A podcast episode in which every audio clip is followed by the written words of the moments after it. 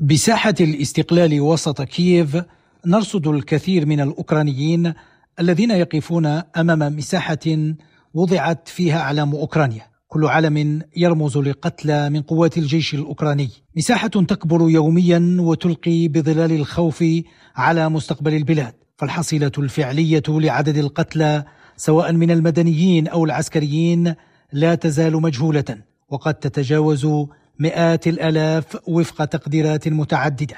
بحسرة تقف لودميلا في هذه الساحة تستعيد ذكر عامين كاملين من الخوف والمستقبل المجهول. أتمنى دائما أن لا نضطر للرحيل. قد يكون الأمر غريبا ولكننا تعودنا وأصبحت شخصيا أخشى الهدوء الطويل لأني أتوقع الأسوأ بعدها. أؤمن أن كل شيء سيكون على ما يرام وأن المستقبل سيكون لأوكرانيا بفضل أبنائنا هؤلاء الشباب الشجعان. هو عام جديد إذا من الغزو الروسي.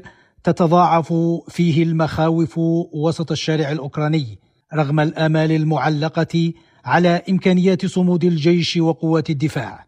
فيتالي وهو مقاتل متطوع ضمن وحدة عسكرية يرى أن المعضلة الآن تكمن في المساعدات الغربية التي لم تكن في حجم التطلعات وبدونها فالوضع سيزداد صعوبة.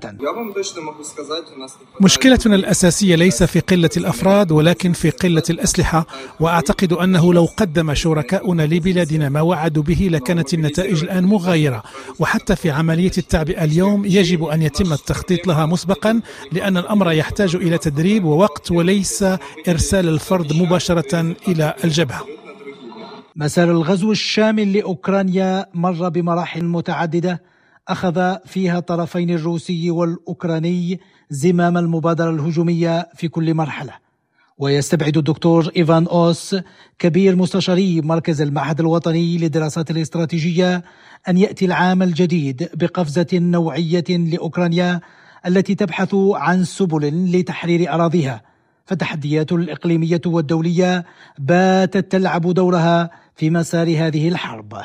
الكثير الآن مرتبط بما ستأتي به الانتخابات الرئاسية الأمريكية ونتائجها سيكون لها تأثيرها الواضح على مسار الحرب الروسية على أوكرانيا لأن الأسلحة الأمريكية تلعب دورا هاما بالنسبة لبلادنا.